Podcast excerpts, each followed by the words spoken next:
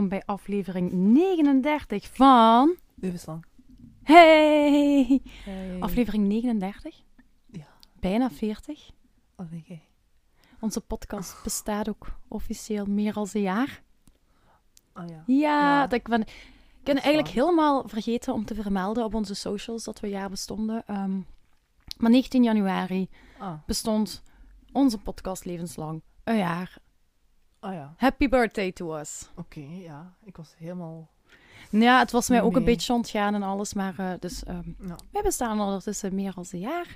En we hebben toch een heel legertje aan volgers en luisteraars meegenomen. Dus Mhm. wat leuk dat jullie levenslang willen luisteren. Nee, Lol. pun intended. Pun intended. Nee. Oké, goed, over tot de orde van de dag. Ja. Hier zijn we weer met een nieuwe aflevering. En de aflevering van vandaag is een verzoekje van een luisteraar. En het verzoekje komt van Maxime. En Maxime had gevraagd of we de Nederlandse zaak van Milika van Toren konden brengen voor haar. Ja, bij deze Maxime, Dat kan. dat kan. Hier zijn we. Waar de zaak precies over gaat, ga ik nog niet veel van zeggen. Ehm, onze Nederlandse luisteraars, die kennen de zaak misschien wel al. Misschien Ook niet. onze Belgische luisteraars ook wel, of niet natuurlijk. Maar voor de... Allee. Goed, dus... Ik ben even helemaal alles kwijt. Nee. Voordat we dus gaan beginnen, wil ik wel even een trigger warning Ah ja. eh, geven. Er komt namelijk eh, seksueel geweld aan bod in deze aflevering. En het is niet zo dat het één keer vermeld wordt en dat is het, maar het is iets wat eh, een belangrijk onderdeel is in de loop van het hele verhaal dat, dat we gaan brengen eigenlijk.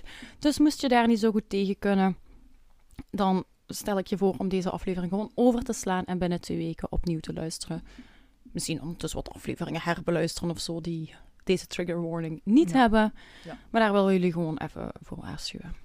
Oké. En voor de rest, eh, ik heb u ook nog niet zo goed ingelicht over de zaak. Eigenlijk weet je nog niet. Ik weet niks. Nee, je weet helemaal niks, dus je weet evenveel als onze luisteraars op dit moment. En dan eh, stel ik ook maar voor dat we er gewoon aan gaan beginnen. Hè? Oké. Wat pijsde. Oké. Oké. Ons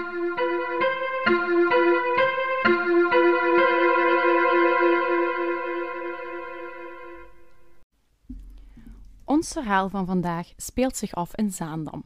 Een middelgrote stad in de gemeente Zaanstad. Ja, dat gelegen is in Noord-Holland. Dus we bevinden ons, zoals al in de intro vermeld, in Nederland. Nu moet ik... Sorry, even iets heel nutteloos tussen. Ja, nee, doe maar. Nu moet ik terugdenken aan die mama appelsap.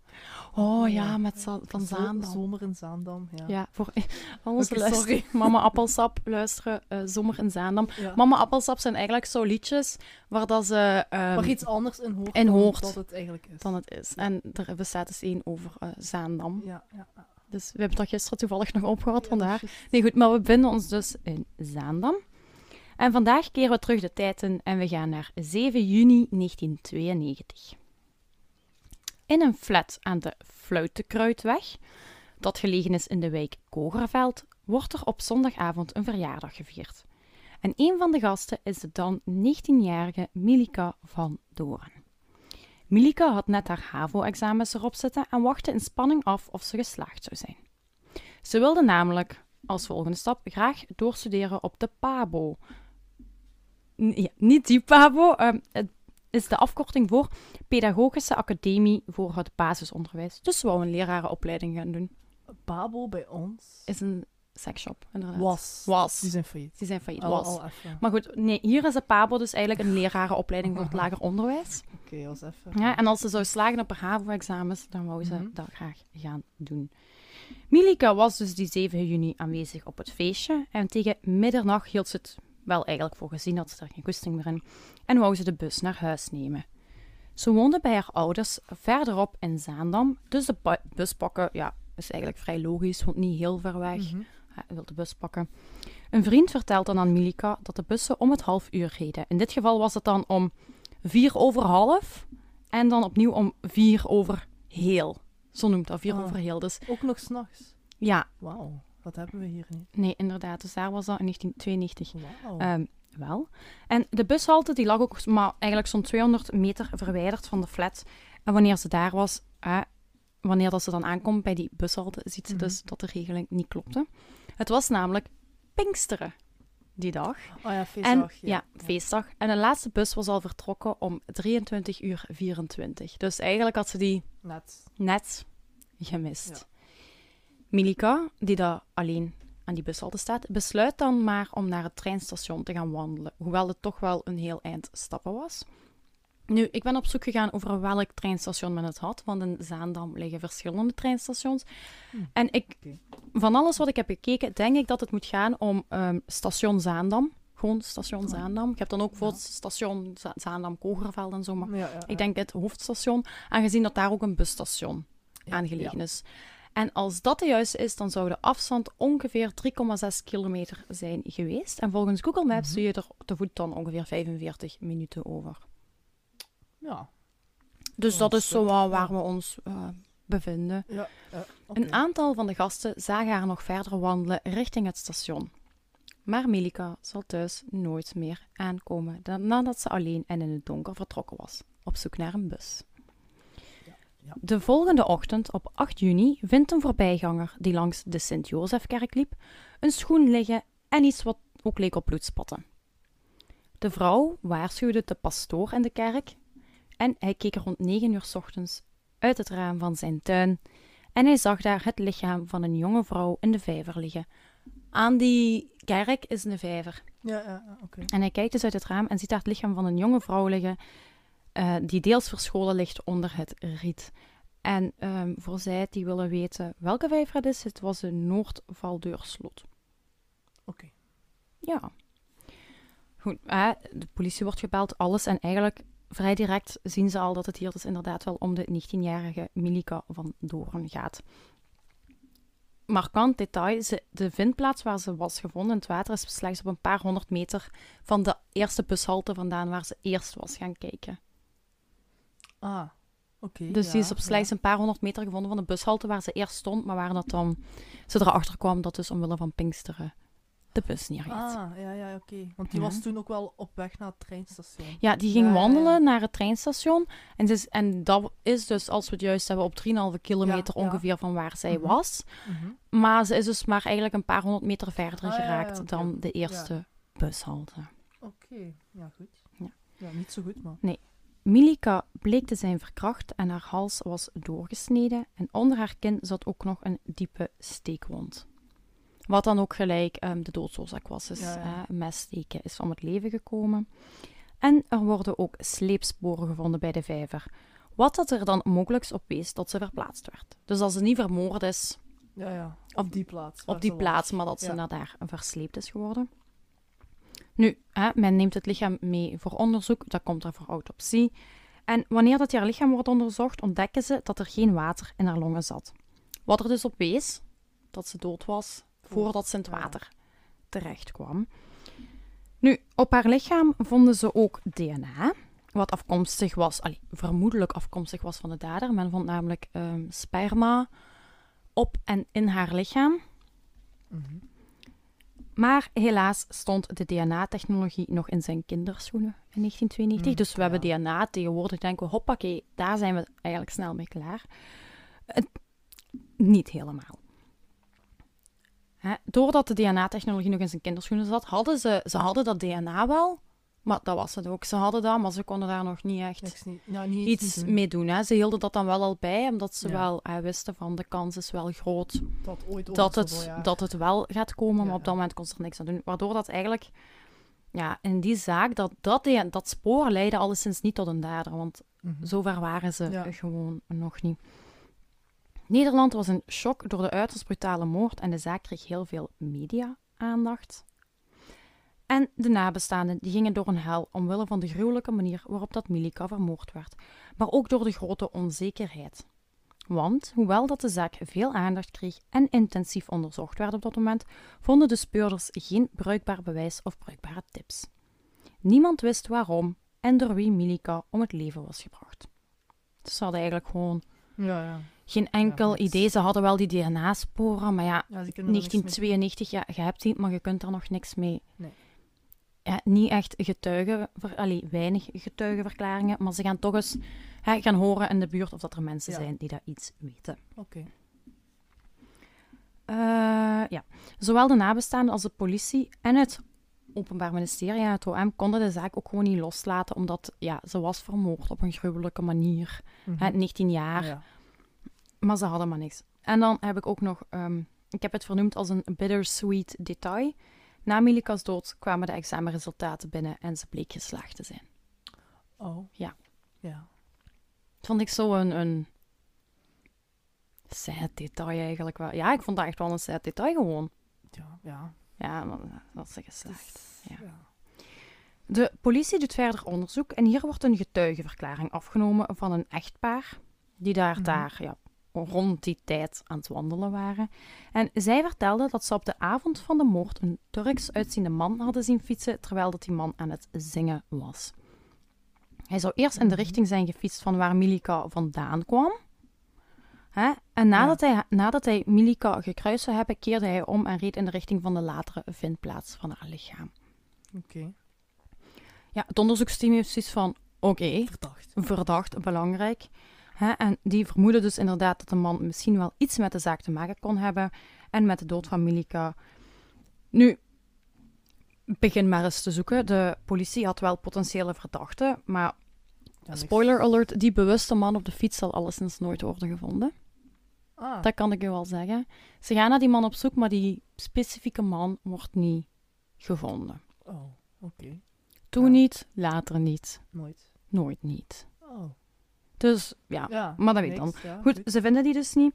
En vanaf hier moesten de nabestaanden en de onderzoekers eigenlijk met ledenogen aanzien hoe dat de zaak eigenlijk al heel snel een cold case begon Ja, te worden. Ze hadden gewoon niks, niks. niks, nul om vooruit gaan. Ja, ze hadden die getuigenverklaring van een Turks uitziende man op een fiets die aan het zingen was. Maar ja, als je hem niet kunt traceren, Ja, nee. Ja. Het is niet dat hij een nummerplaat heeft op zijn fiets. Zo. zou wel makkelijker zijn. zo, ja. het zou veel makkelijker zijn. Maar goed, ja, dus ze vinden niks. En eigenlijk wordt de zaak van Milika al heel snel, maar echt heel snel, veel te snel, een cold case.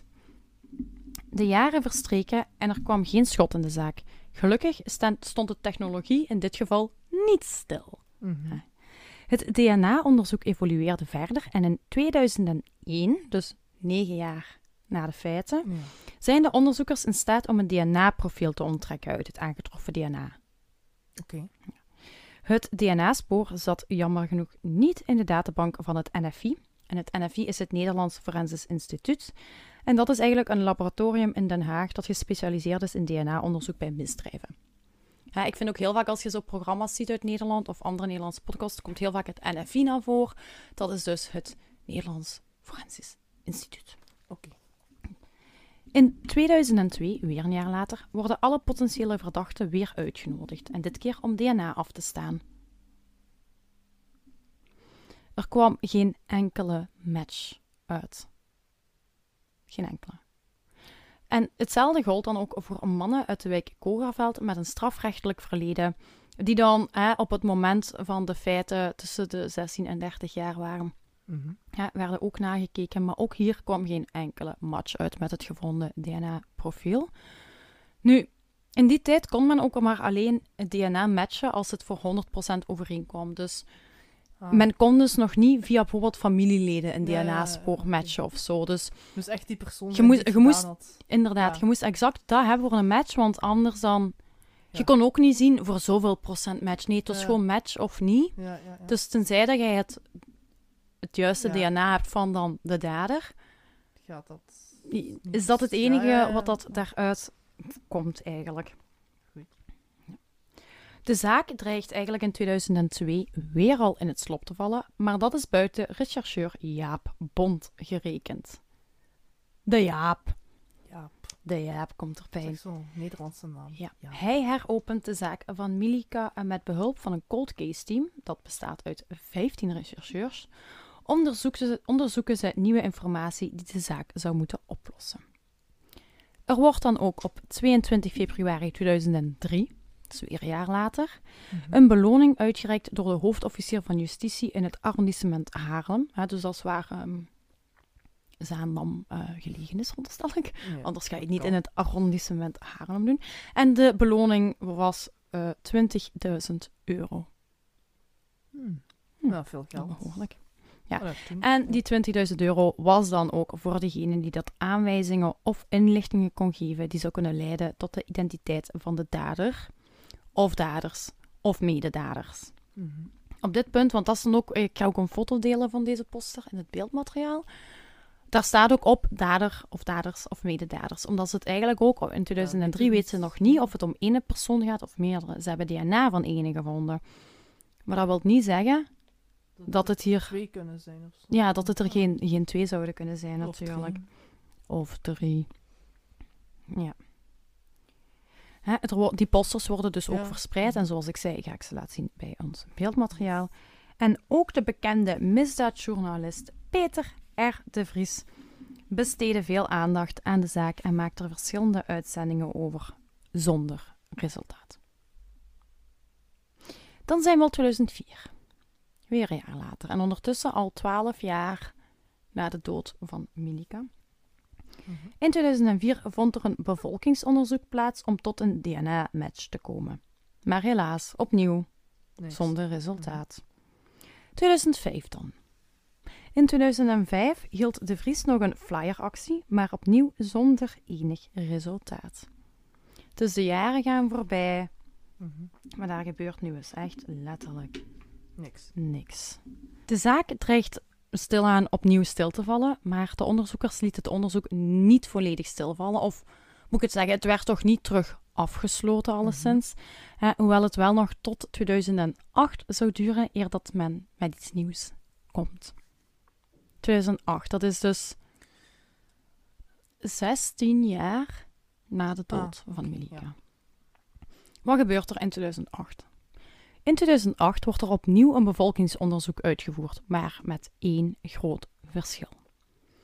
Ondertussen waren de DNA-technieken weer wat vooruit gegaan en men had het DNA in- intussen kunnen onderzoeken en uit een etniciteitsonderzoek bleek dat het DNA afkomstig was van, een, van iemand die Turkse of Noord-Afrikaanse voorouderen had. Oké. Ja, en dan denken ze ook weer terug natuurlijk aan de man op de fiets, die vernoemd werd, die dat een ehm, Turks uiterlijk zou hebben. Ja.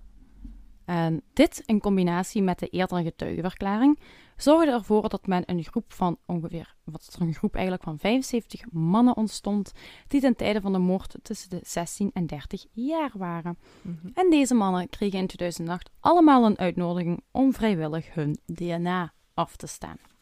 Ja. Nu, zes van de mannen bleken niet traceerbaar te zijn. Voor welke redenen dan ook, geen idee. Hmm. Maar de overige 69 deden allemaal vrijwillig mee. Ja. En eind 2008 meldde het Openbaar Ministerie dat ook dit onderzoek geen resultaat had opgeleverd. Mhm. Ja. Again, ze hebben al het ene na het andere gedaan. Je kunt niet zeggen dat ze niet, niet van alles uitproberen. Hè? Dat kun je in dit geval niet zeggen. Ja. Maar Het Ja. duurt ondertussen wel al 16 eh, en een half jaar. hè. Het was ondertussen al Ja, ja. 16 en een half jaar geleden dat Milika eh, vermoord werd. En meer en meer mensen beginnen dan op dat moment ook wat te hameren op een nieuwe vorm van DNA-onderzoek in 2008. Ja. Ja. Dit was het DNA-verwantschapsonderzoek. Mhm. Maar, hè, dat bestond dus wel al in 2008, maar in dat jaar was het nog niet in de wet opgenomen. Dus kon men Ah, daar nog niks mee doen. nog Ja, niks ja. mee doen. Hè? Dus men had de mogelijkheid wel. Maar Nu- ze mochten niet. Ja. Of Voor ja, even voor- niet. Ja, het was niet in de wet nee, opgenomen, dus ze konden het nog niet gebruiken voor misdrijven. Ja, dan, is, dan is dat geen geldig bewijs. Nee, Ja, inderdaad. Ja, het zit niet in de wet, dus ze mogen het niet gebruiken, inderdaad. Nu, wat houdt zo'n DNA-verwantschapsonderzoek precies in? Ehm, ik ben absoluut geen kei in alles wat te maken heeft met eh, biologie en met chemie en fysica, weet ik veel waar, eh, waar dit allemaal heen gaat en onderzoek. Maar ik ga mijn best doen om het zo menselijk mogelijke taal uit te leggen. Oké, dat is goed. Bij verwantschapsonderzoek wordt DN worden DNA-profielen vergeleken met elkaar om zo na te gaan of personen aan elkaar verwant zijn. Dat is eigenlijk ehm, Ja, ja. ja, de korte uitleg. We kennen dit al langer door bijvoorbeeld een vaderschapsonderzoek of zo. Ja. Ja, dus dat bestaat wel al veel langer dan dat het gebruikt wordt ehm, ja. bij onderzoeken, ja, voor een vaderschapsonderzoek, vanaf een bepaald Mhm. moment besluit men dan ook om het te gaan inzetten om ernstige misdrijven op te lossen. En als je dan kijkt van waar ze zich vooral op focussen bij dat DNA-verwantschapsonderzoek, dan is het eigenlijk dat ze zich gaan focussen op de X- en Y-chromosoom die dat geslacht bepaalt. Hè. Dus bij vrouwen een X en bij mannen een Y. Allee, wij hebben XX en mannen hebben XY. Mm, Dat kan. Dat hebben we ooit op school geleerd. Eh, Lang geleden hebben we ooit geleerd. Ik weet het niet. Of. Ja. Via hè, dus hè, voor mannen, Ja, ja, ja. kan worden nagegaan of mannelijke personen aan elkaar gelinkt zijn. En via mitochondriaal onderzoek kan men vrouwelijke personen aan elkaar linken. In theorie. Oké. Maar in de praktijk is het zo dat vooral het Y-chromosoom van belang is, omdat dit exact hetzelfde wordt doorgegeven van vader op zoon. Dus dat verandert Niet. nagenoeg niet. Hmm. Vrouwelijk DNA, Ja, dus dat mitochondriaal onderzoek, een X-chromosoom verandert wel. Ah, Waarbij ze dus eigenlijk ook zeggen dat vrouwelijk verwantschapsonderzoek geen tot weinig zin heeft. Dat wordt eigenlijk vooral gebruikt ah. voor mannen op te sporen. Wazig. Heb je weer iets nieuws bijgeleerd? Ja. Ja. Ja, dus inderdaad, dus dat heeft blijkbaar weinig nut als dat gaat om een vrouwelijke dader. Maar bij mannelijke daders ja, kan dat wel, omdat dat gewoon dat zo exact hetzelfde wordt doorgegeven. Die kunnen letterlijk generaties terug Ja. zien of dat mannen aan elkaar verwant zijn, omdat die gewoon eigenlijk zowat exact hetzelfde chromosoom En eh, ook, ik denk dat ze delen. het meer op mannen kunnen gebruiken dan op vrouwen. Allee, niet dat vrouwen niks niet misdoen, hè. Maar... Zo Oh. snap je. Ja, in het algemeen hoort je Ja. wel natuurlijk veel vaker dat het mannen zijn die dat iets doen. Maar ehm, ja, weet je, als het een vrouwelijke dader is, heeft dit dan ook gewoon eigenlijk weinig Maar dit heeft dan ook wel echt met DNA te ma- maken, maar in de zin van Mhm. haar of alleen ehm, lichaamsvloeistoffen of... Ja, ik, ik weet Dit gaat ja. over het DNA van de dader dat gevonden is, hè? Ja, ja, ja, dat snap ik, dat Ja? snap ik. Maar wacht, hoe, hoe wil ik het uitleggen? Ehm, aangezien dit over mannen gaat, Ja.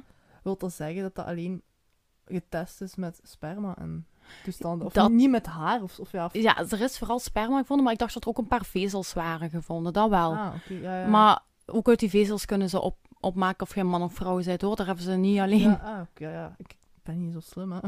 Weet ik veel. Ja, lol. Doe maar verder. Oké, nee, is niet heel stupid. Ehm, eh, de, match, de match is dan natuurlijk niet 100% als iets vinden, maar kan wel duidelijke familiale banden aantonen.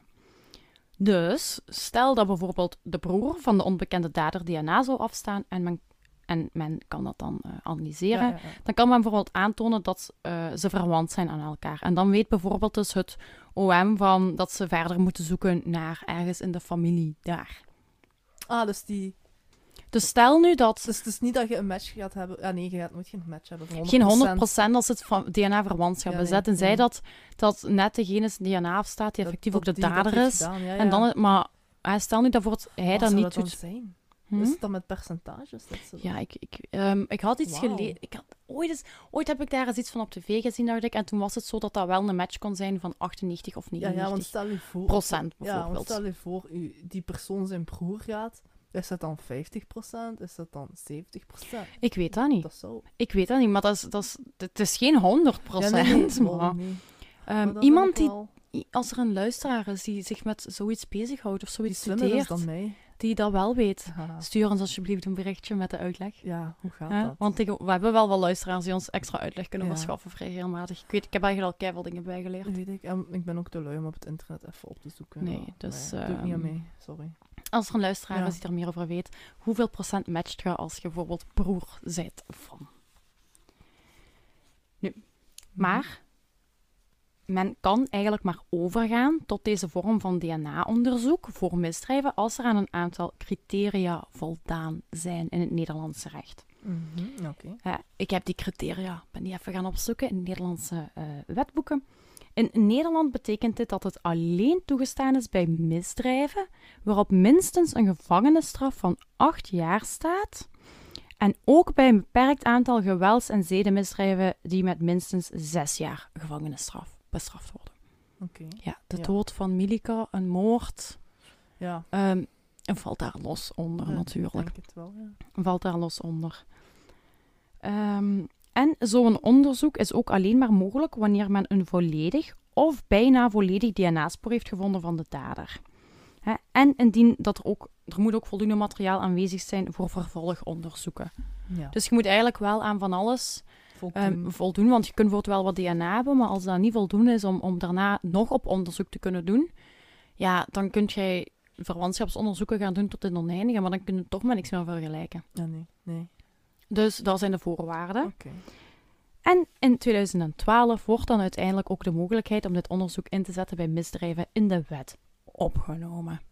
Maar het duurde alsnog tot april 2016 eer men de definitieve toestemming kreeg om dit onderzoek in functie van de zaak toe te passen. Ja. 2016, dan zijn we 14 jaar. Nee, langer.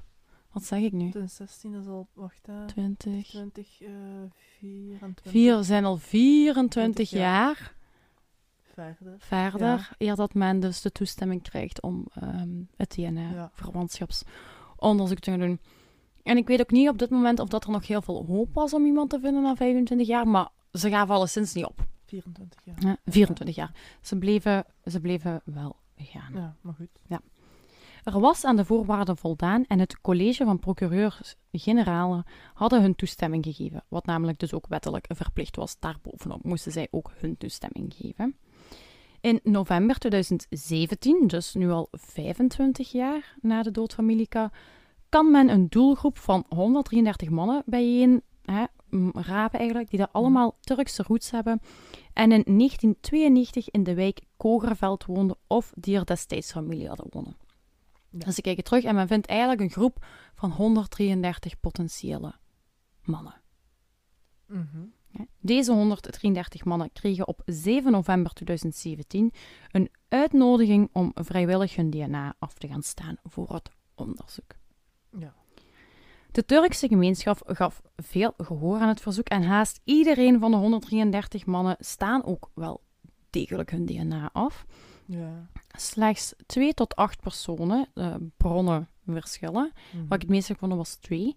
Dus slechts 2 tot 8 personen weigerden om hun DNA af te Mhm. staan. En dan mocht je ook weigeren, hè, want het is Ja, een vrijwillig onderzoek. Jij mocht weigeren. Gaat u dat in een goed daglicht stellen? Waarschijnlijk niet. Dan mag je denk ik nog Probably not. Ja, dan maak je waarschijnlijk verdachter. Maar goed, je mocht dat weigeren als je dat ja. natuurlijk niet wilt. Bij zij die wel meededen, werd eigenlijk gewoon wat wangslijm, wangs, wangslijm, Wangslijm. wangslijm, Wangslijm. wangslijm, wangslijm afgenomen. En het NFI vergelijkt dat dan met de DNA-profielen. Die vergelijkt dan al die DNA-profielen met de DNA van de vermoedelijke dader. Ja. Een maand later, op 5 december, belde het NFI naar het onderzoeksteam met een mededeling. Er was een match. Oh. Niet met de dader zelf, dus niet voor 100%, maar wel met een broer van de Oh. dader. Oké. Dus een van de mannen die zijn DNA had afgestaan, bleek dus inderdaad de broer te zijn van de man die dat gedaan had. En voilà. Men weet Ja. in welke richting ze moeten gaan zoeken. Het heeft alleen maar 25 20 jaar. Meer, ja, meer dan hè. 25 jaar Ja. zelfs. Eigenlijk 25,5 jaar. Hè, dus na, Ja. na, na meer dan 25 jaar is er eindelijk een doorbraak in de zaak van Melika. Ja. Nu ja, wie is die broer dan? Wel, dat is heel simpel. Dat is een van de twee personen die dat zijn DNA niet had afgestaan. Niet wou afstaan. Ja, ja, logisch. Op 9 december 2017 wordt de 47-jarige Hussein A. aangehouden. Dus ik ken alleen de achternaam Hussein. Hussein is toch Hussein? Nee, ik heb het opgezocht. Het, het zou blijkbaar uitgeschreven worden als Hussein en niet als Hussein. Oh, oké. Het wordt ook iets anders geschreven, maar Oh, ik heb het opgezocht en het werd Hussein heb ik ervan gemaakt. Ik heb het in het Turks laten afspelen door Google Translate. In de Turks. Ja, dat is een Hoe is het? Turkse naam. Je zei in de Turks. hè? Ah, in de, Tu- in de Turks. In, Nee, in het Turks. Ehm, en die zei Hussein, maar het kan dus ook Hussein, ik weet het niet. Ik- Kijk, Hussein, ik, Maakt niet uit. Hussein, Ja. Hussein. En die wordt aangehouden op verdenking van de moord op Milika van Doorn. Ze arresteerden hem in zijn woning op slechts een paar honderd meter van de vindplaats van Milika zoveel jaren eerder. Mhm.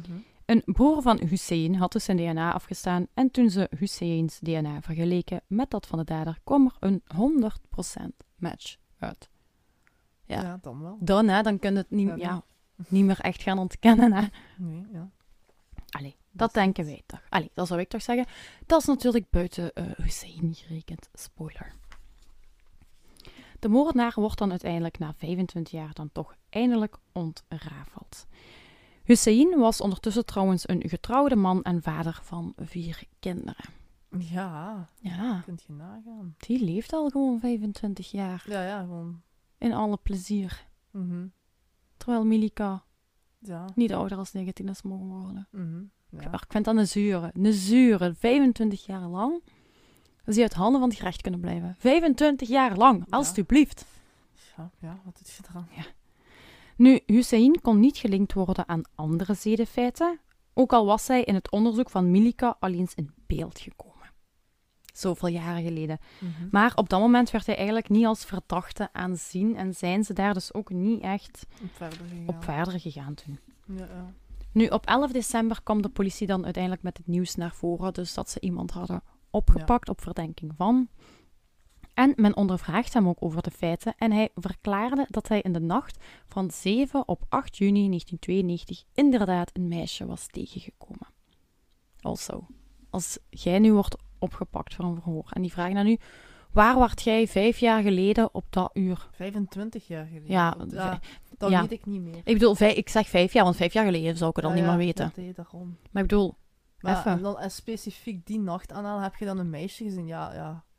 Ja, Ja, ik zou zeggen, als je onschuldig bent, I don't know. Ja, Eh, zo van, dat, dat moet ik dan nu weten? Ja. Van- hè, want heel vaak hoort je dat, dat ze dan gaan vragen Ja. specifiek En van... dan zeggen ze, eh, ja, ja, het kan, ja. ja, ik denk het wel. kan. Ja. Hè, maar, en dan ook, maar dan vragen ze zo van, hè, waar waart je? Maar ja, stel dat je zegt, ik was alleen thuis. Ja, dat is nog geen eens een alibi, maar misschien is dat wel waar, hè? Ja, ja, ja, dat kan. Ja, maar dan, Ja, bewijs het maar. ja... Ja, Vertel maar verder. ja, ik hoop gewoon nooit dat ik de vraag krijg wat ik 25 jaar geleden gedaan heb. Want ik, eh, Ja, ik zal moeilijk. het antwoord schuldig moeten blijven. Toen waren we nog heel klein. Ja, toen waren we nog babytjes. Alleen geen baby's, maar wel klein. Ja. Nu, eh, Hussein die zegt van, ja, inderdaad, hè, ik heb die nog een meisje gezien, maar dat is zo ook wel het enige ehm, ja, logische wat eigenlijk uit zijn mond komt. Want Mhm. hierna wordt zijn verklaring onsamenhangend en onduidelijk.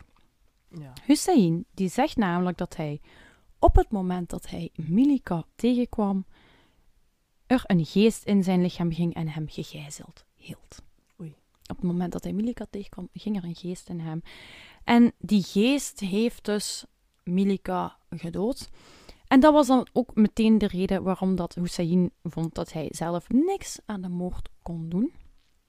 Ja, hij zei van, ik heb dat niet gedaan. Er is een geest in mij gekropen. Oeps. Hierna stopte hij met vertellen en praten in het algemeen en beriep hij zich eigenlijk voornamelijk op zijn zwijgrecht. En dan op aanraden van zijn eh, advocaat, die ook had aangehaald van, joh, dat geestenverhaal, kunnen we dat alsjeblieft aan de kant schuiven? Die had zoiets Ja. van, zwijg, zwijgt jij nu maar gewoon, want... eh, dan, ja. Zwijg alsjeblieft, want het komt niet goed. Op 16 maart 2018 ging uiteindelijk de strafzaak tegen Hussein van start met een wel ja, heel opvallende afwezige. Ehm Hussein zelf kon ah. niet opdagen Dat dacht ik al. op zijn eigen proces. Ja, Het was een geest. ja dat, was een geest. Ja, die kon niet. Die had file veroorzaakt. Ja, inderdaad. Dat ging niet. Nee. De familieleden van Milika waren talrijk aanwezig, hopend dat het recht eindelijk zou zegevieren. Ja, dus ze zijn nu 16 maart 2018, hè, onthoud. Ja, ja, ja, ja. Dus 18.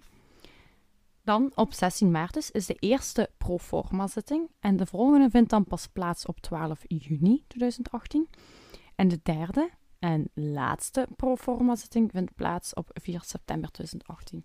En als ik het juist heb, is een proforma-zitting, dat zijn nog geen inhoudelijke behandelingen, maar dat zijn eigenlijk dingen die ze moeten doen, ehm, die ze moeten onderzoeken terwijl er iemand in voorarrest zit. Ah, dus gewoon men het, onderzoek kan voor, doen. de voorrondes naar het eigenlijke proces van daar. Ja, het waar on- ze eigenlijk gaan zeggen van kijk, dit en dit, Dit en dit hebben we een bewijs. Ja, inderdaad. Ja, dus die oké. proforma-zittingen, dat, is- dat wordt eigenlijk ook iedere keer gedaan om de persoon daarna langer in hechtenis nog te kunnen Ja, laten. Ja, is- is Dus iedere keer met zo'n proforma-zitting kon dan besloten worden om zijn eh, voorlopige hechtenis te verlengen. Want ja, hè, anders, Ja, als, ja. Als, als er ook geen bewijs is, niks, dan moeten die personen ook worden ja, vrijgelaten. tuurlijk, tuurlijk, ja. Ja, en in deze keer waren er drie pro- proforma-zittingen nodig om alles een beetje ehm, in goede banen te leiden en om ja, alles gereed te krijgen, denk ik. Mhm. Dat betekent dus dat er zes maanden lang niet zo heel veel gebeurde in de zaak. Hè. was eigenlijk ook voornamelijk ehm, achter de schermen Ja. dat er gebeurt. Ik heb er ook niet... Ik heb, ja, ik heb wel alle datums kunnen vinden dat ehm, de rechtszaken doorgingen. Ik heb ook heel veel rechtbankverslagen kunnen terugvinden. Maar bijvoorbeeld van die proforma-zittingen vind je niet op internet direct ehm, documenten van terug of wat er gezegd is of niet. Dus dat weet ik niet. Mhm. Ehm, ja. Op dit moment is eh, Hussein ondertussen dus al 48 jaar en die blijft zich eigenlijk op dat moment vooral op zijn zwijgrecht beroepen. Pas op 19 november en dan 21 november 2018 gaat de inhoudelijke behandeling van start. De advocaat van Hussein vroeg om geen rekening te houden met de geestenuitspraak van hem. En eigenlijk vooral omdat het eh, Openbaar Ministerie met deze verklaring van mening was dat dat vooral aantoonde dat Hussein geen, eindelijk- geen enkele verantwoordelijkheidsgevoel of schuldgevoel had ten opzichte van het slachtoffer. Ja, die zeggen van kijk, het feit dat hij zegt dat hij eh, door een geest werd overgenomen, toont ons gewoon dat hij geen schuldbesef heeft, dat hij ook geen schuldgevoelens heeft, dat hij niet beseft wat hij gedaan heeft. En dat is natuurlijk voor, voor het OM een, een verzwarende omstandigheid. Ja. Waarop dat de advocaat dan vraagt aan de rechter van... of aan de juryleden van... Ja, ehm, ik ga u vragen... Alsjeblieft, neem dit niet mee in uw besluit. Want inderdaad, daar, daaruit zou iedereen dus dan kunnen opmaken van... Inderdaad, hij heeft geen schuldgevoel. Ja, Wat dan ja. natuurlijk... ehm, ja, het is gewoon gezegd geweest natuurlijk dat je daar rekening mee gaat houden. Allee, ja. ja, inder- ja, tuurlijk. Maar goed, hij kan maar proberen. De advocaat kon maar proberen. Maar goed, Ja, ja. ja, Dat meisje kon ook proberen naar huis gaan, maar dat is nooit niet gelukt. Dus, I mean, like, inderdaad. Ja, inderdaad. well. Oh, well, nee. Op 19 november staan de familieleden voor het eerst oog in oog met degene die hun geliefde Milika van het leven had beroofd. Hè, Het is de eerste keer, want daarvoor was ze niet komen Ja, opdagen. Hè? Ja, nee, Dus dat is nu de eerste keer dat ze hem oog in oog kunnen kijken. En hier verandert Hussein zijn eerdere verklaringen en kwam met een nieuwe uitleg. Hè? Dus nu was het uh, geestenverhaal overboord gegooid. Mhm. Hussein heeft opeens een verklaring voor de gevonden spermasporen op en in het lichaam van Milika. Mhm. Oh god. Hij zegt, allee, beeld van ja, inderdaad, eh, dat is inderdaad van mij. Maar dat komt, zegt hij, omdat wij twee in die tijd, in 1992, een geheime seksuele relatie hadden met elkaar. Waardoor dat er dus ja, DNA op en in haar lichaam zit van ja, wij hadden een geheime seksuele relatie. Oké. Dat zegt ehm Hussein deze keer. Ja, ehm, de rechtbank heeft ook zoiets van Daar kom je nu mee, ja. nee, ja, maar, maar ook gewoon, dat is gewoon dikke... Ja, ja. Want kijk, als dat wel waar was, dan had je dat direct gezegd. Ja, en ook denk je, dan had wel iemand iets moeten weten over een geheime relatie van Milika. Allee, Ja, bedoel... iemand had dan toch iets moeten weten, of denk iets ik. verdacht. Allee, ja, of Ja. iets, Gewoon iets. iets, iets. doorhebben van, oké, er is iets aan de gang. Ja, hè? dus de rechtbank die heeft zoiets van, dude, je zit hier gewoon een potje bij aan het liggen. Dat is Mhm. helemaal niet waar. Hè, die gaat daar niet in mee en eigenlijk ehm, gaat de verdediging van hieruit proberen gaan voor de vrijspraak van Hussein. Na al die jaren. Ja, ze gaan proberen voor de vrijspraak te gaan. Mhm. En Hussein ja. krijgt het laatste woord waarin hij zegt dat hij nog de moordenaar, nog de verkrachter is en blijft zijn onschuld dan volhouden. Hè, hij zegt van, hè, dat geestenverhaal dat heeft hem laten varen. Hij zegt, ik ben onschuldig, we hadden gewoon een geheime relatie. Ik heb haar niet verkracht, ik heb haar niet vermoord, ik ben onschuldig. Dat is wat hij eigenlijk Ja. begint eh, te, verkondigen vanaf dat punt. Zij is de familie van, van de vermoorde persoon. Ah, dat is toch een slap in your face. Ja, ja, ja, ja. Dat is toch echt ja. een slap in your face. Nu, op 11 december 2018 doet de rechtbank zijn uitspraak met Hussein opnieuw als opvallende afwezige. Oh. Die kwam niet opdagen bij, eh, Ja, bij zijn eigen uitspraak. Hij wou simpelweg niet komen en niemand kreeg hem overtuigd. Hij was, ik had gelezen dat hij in eerste instantie wel mee was gegaan naar, van de, uit de gevangenis naar de rechtbank. Maar dat hij van daaruit eh, het vertikte om nog de rechtszaal in te gaan. Hij wou gewoon niet. Hij, Ah. hij vertikte het en ja, blijkbaar kun je een persoon dan ook niet ehm, dwingen of zo om daar binnen te ik gaan. vind wel dat ze daar een ding van moeten maken. Van kijk, het gaat om u, dus maak maar dat je je gat daar binnen hebt. Ja, ik vind dat ook een beetje. Ja, Ik vind dat ook zo nog een natrap geven van... Ah, ja ik kom, ik, kom, ik kom nog niet opdagen. Kijk, hè, als je zo hard voor je vrijheid vechten dat je er echt in gelooft dat je het niet hebt gedaan, dan gaat je daar godverdomme rond zitten. Ja, ja, tuurlijk. Dat is ook zo. Ja. Maar ik vind dat ook zo... De audacity. De audacity. Dat, er zijn gewoon dat mensen die hebt. denken dat ze boven alles staan. Inderdaad. Die gewoon zo'n fantasiewereld Ja. zitten. Ja, maar goed, vertel maar Goed, verder. ja, dus inderdaad, die komt niet opdagen bij zijn eigen uitspraak. Eh, de rechtbank acht Hu- Hussein schuldig aan gekwalificeerde doodslag. Zij geloven namelijk dat hij Milika vermoordde om de verkrachting te verhullen en om hier niet voor gestraft te worden. Dus zij Mhm. zeggen, Ja, je hebt daar oorspronkelijk, was de bedoeling maar te verkrachten, dan besefte je of je Ja. iets van, oh, die kan me hier natuurlijk verraden, dat mag niet, ze moet dood. Ja. Dat is wat zij van zeggen. Dus ze noemen het een gekwalificeerde doodslag. Ja, kan.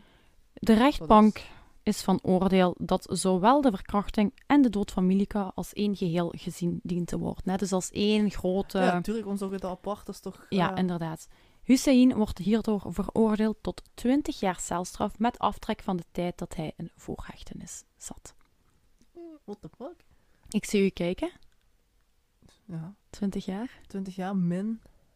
Min inderdaad dan de tijd dat hij in voorhechtenis zat. Nee. Pak dan zit hij al een paar Ja. mm, maanden? maanden in voorhechtenis, denk ik. Wacht, hè. Ze hadden hem... Ze hadden hem op...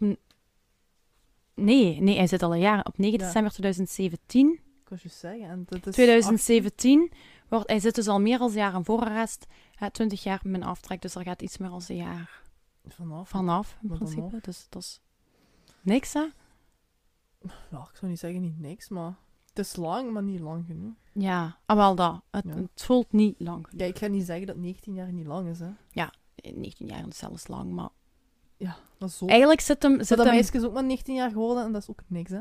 Inderdaad, dat meisje is Ja. 19 geworden, dat is niks, hè? Dus Waarom zou een gevangenisstraf van 19 jaar dan wel lang zijn? Iemand die 19 Ja. wordt, dat is niks. Dat is niks. Iemand die 19 jaar zit, dat is zogezegd lang. Ja, maar eigenlijk is Ja, het... wel. Ja, wel. Nu, Hussein, die laat dat niet zomaar gebeuren en besluit een hoger beroep te gaan tegen de uitspraak. Die, die, die zegt van, ik heb dat niet gedaan. Wij hadden gewoon een relatie. Nee. Dat kan hier niet. Nu, zonder eigenlijk duidelijke reden, willen uiteindelijk zowel Hussein als zijn advocaat uiteindelijk dat er hoger beroep wordt ingetrokken. Die komen terug op hun woorden. Ja, die Ja, hebben zoiets ja. van, nee, nee, nee, wij, eh, wij willen dat toch niet, eh, doe toch maar weg. Hè, ehm, waarom Ja. zij dat exact niet wouden, dat heb ik niet kunnen vinden. Maar in 2019 wordt dan uiteindelijk beslist, hè, 2019, dus we zijn weer het jaar daarna, wordt beslist om de zaak toch te laten voorkomen bij het hoger beroep. Heeft dan eigenlijk het, eh, de rechtbank zelf Ja. besloten van we gaan dat wel laten voorkomen voor hoger beroep. Al zal het nog een hele tijd duren eer dat er een uitspraak komt van het Hof. De zaak liep namelijk nogal wat vertraging op. Doordat één, Hussein van advocaat wisselde tijdens het proces. Twee, zijn vrouw en zijn, een van zijn kinderen kwamen niet opdagen op de zitting, terwijl dat verplicht was.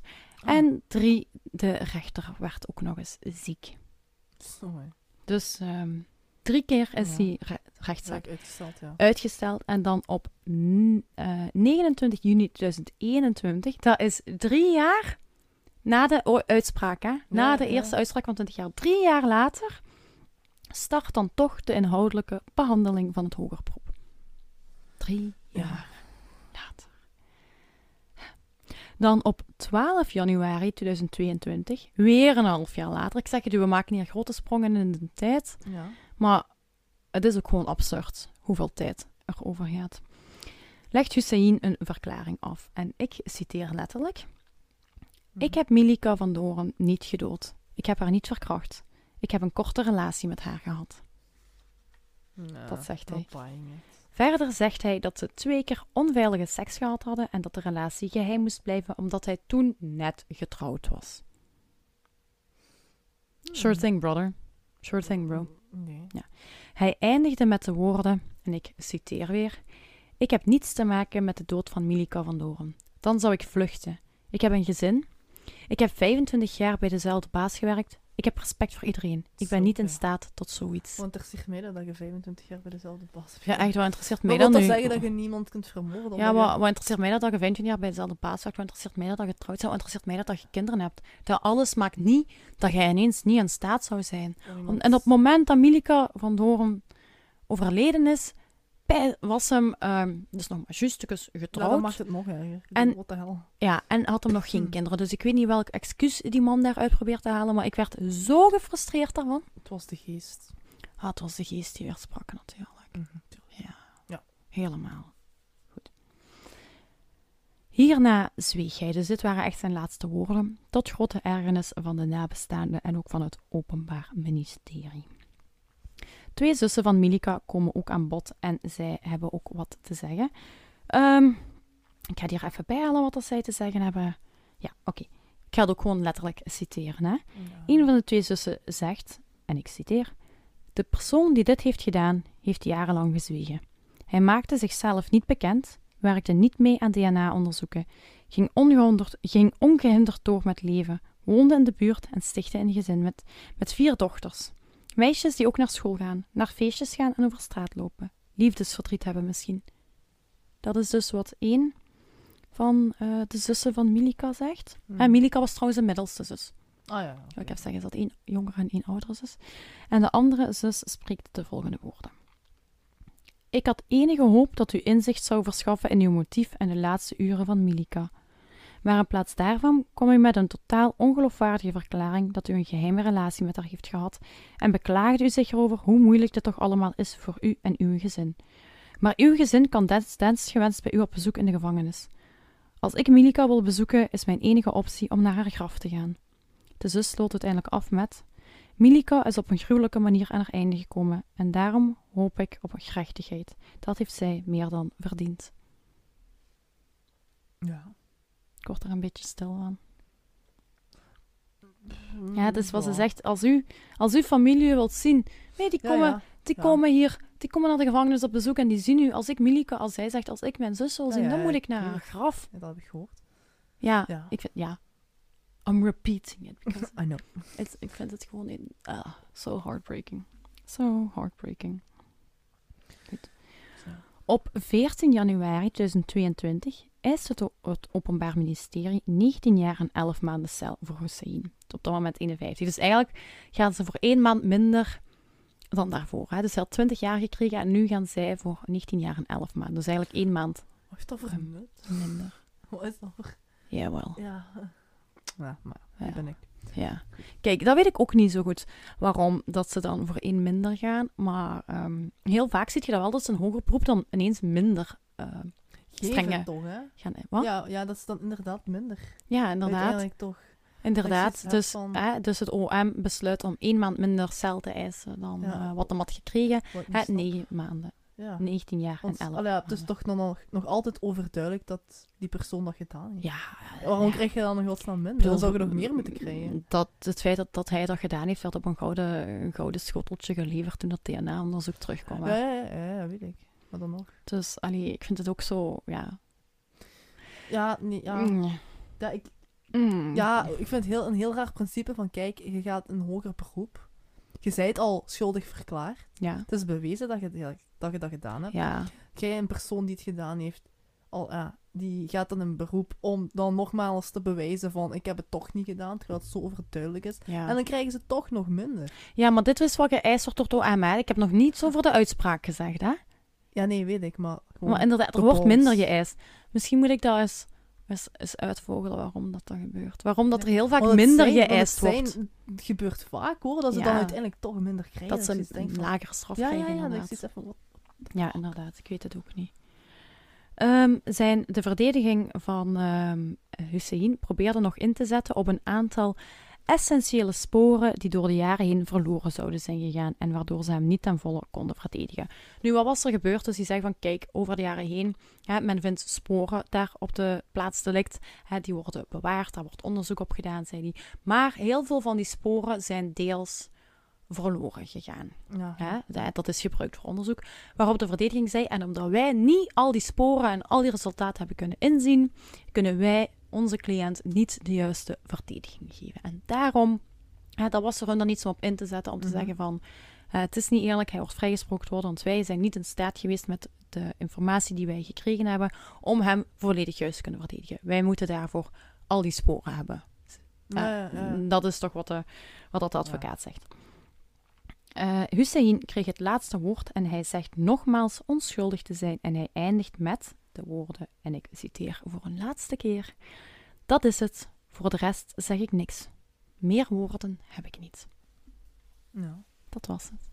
uiteindelijk op 10 februari 2022, dat is nog geen jaar geleden trouwens, hè, even, dat is nog geen jaar geleden, bijna 30 jaar na de dood van Milika, wordt Hussein in hoger beroep schuldig bevonden aan moord. Dus nu aan moord en niet aan gekwalificeerde Ja. doodslag.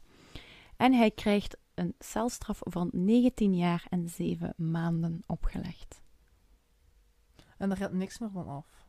Dus vanaf dat moment moest hij effectief 19 jaar. Ehm, Of dan, Kijk, ik weet dan ook niet of dat dat dan verder telt, of dat ze dan zeggen, dit is uw nieuwe straf.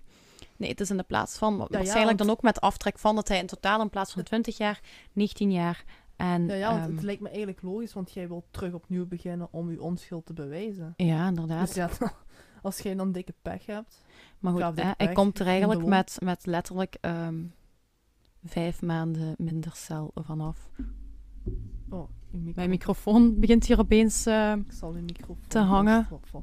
maar het, het, het- hij moet het nog heel even volhouden. We zijn er bijna. Ik steun uw micro. Wacht, hè, ja. Weet je, het probleem. Sorry luisteraars, we zijn echt nog helemaal aan het uitzoeken hoe dat we dit het best kunnen doen. Nee, goed. Ik heb hem vast. Oké, maar ik heb hem ook vast, dus laat me los. Nee, Let it go. oké. Oké, dank u. Nee, goed. Ehm, ja, dus hij krijgt 19 jaar en 7 maanden celstraf opgelegd. En Hussein vliegt dan dus ook de bak in. Maar als allerlaatste redding start hij nog een procedure op bij het Hof van Cassatie, of hij dient daar toch een verzoek in. Nu, het Hof van Cassatie gaat niet kijken naar de uitspraak, gaat niet beslissen of de uitspraak juist of fout is, maar die gaan eigenlijk alleen kijken of dat er procedurefouten zijn gemaakt. Mm, ja. En wat is wat, voor als het Hof van Cassatie dan zegt er zijn procedurefout gemaakt, dan kan men zeggen het onderzoek moet opnieuw gevoerd Ja. worden voor een lagere rechtbank, waardoor het, ja, eh, de uitkomst anders zou kunnen zijn. ja. Dus dat probeert hem nog. Het lijkt na 30 jaar nog steeds niet ten einde, maar dan 12 juni 2022, dus Ja. dat is En- nou, 30 jaar na de dood van Milika, rond 11 uur 's ochtends overlijdt Hussein na het sporten in de gevangenis. En reanimatie mocht niet meer baten. Too bad. Over de doodsoorzaak kon ik niet veel vinden, maar het zou alleszins niet om geweld of suïcide gaan. Ja. Kan. Ja. Misschien de geest die Ja, dus uiteindelijk heeft hij hoe lang in de gevangenis gezeten? Hm, ja, nog geen. Van 2018. Ja, ja, tot toen, hè. Oh, ja. Van 2018 tot Vier 2000. jaar, vier ja, jaar. vier jaar. Boe, jongen. Boe. misschien een onrechtstreekse doodstraf, hè. Ik kon niks zeggen. Ja, ik weet het niet. put Nu. Wat ik wel een mooie vond, was wat de advocaat van de nabestaanden zei over ehm, het overlijden. En ik vind dat ook een heel mooie om de zaak eh, mee af te ronden. De advocaat van de nabestaanden noemde Richard Corven. En hij zei dat Husseins overlijden een dikke streep zette onder de zaak. Het was voorbij. Ja. En dat was de zaak van de 19-jarige Milika van Doorn uit Zaandam. Oké. Oké. Ja, dat... Dat was wat Ja. bedenkingen. Nee, ik heb mijn, mijn mening gezegd, tussendoor. Ja. Wat vond, wat Ik, ik vind... vond je van de straf uiteindelijk? Ja, het was een heel gedoe. Lichte straf, ja, hè? ja, ja, ja, Ja. he dead. I mean, Plus ja, 30 Oké, jaar. jammer voor die zijn kinderen, maar... Ja, ja. Dat is, heel, je, dat erg dat voor is heel kinderen, erg hè. voor de kinderen en voor die vrouw en zo. Dat is super erg. Ja, ik weet niet of die vrouw daar ooit van op de hoogte was. Oh, daar red je micro. Oh, daar gaat mijn micro bijna helemaal deze keer, jongens. We Ehm, zullen even snel gewoon... we gaan het nog even afronden. En dan... eh, En, want bij onze studio valt hier half... Allee, bij mij valt die half ja, uit mij- ik, ik zie al het probleem. Ik ga je dat straks Ja, eh, dat is goed. wat het Oké. probleem is. Maar lieve luisteraars, dankjewel Ja. voor het luisteren deze week. Vergeet niet dat het beeldmateriaal ook vandaag online komt als je op woensdag luistert. Die vind je terug op onze socials. En naar goede gewoonte gaan we die nog eens één keer afratelen. Op Instagram, daar zitten we eigenlijk het meeste, kunnen jullie ons terugvinden onder het levenslang podcast. Op Facebook vinden jullie on- ons onder levenslang. En jullie kunnen ook altijd een mailtje sturen naar levenslangpodcast.gmail.com voor jullie bevindingen. Het zou ook heel leuk zijn als jullie ons met zoveel mogelijk willen volgen, want wij geven soms ook nog extra updates op onze socials. En met socials bedoel ik toch echt wel voornamelijk Instagram. Facebook wordt er een beetje bij gedaan, maar voornamelijk Instagram. En daar kunnen jullie ook gewoon met ons in contact komen en verzoekjes insturen, zoals nu. Kijken naar het beeldmateriaal. Kunnen jullie ook alle ehm, vorige afleveringen terugvinden met beeldmateriaal. Dus eh, check it out if you haven't already. Goed. Goed, dat was het dan weer voor vandaag. Ja. Lieve luisteraars, dank jullie wel nogmaals om te luisteren. En dan horen jullie ons terug binnen twee weken met de volgende zaak. Doei. Dag!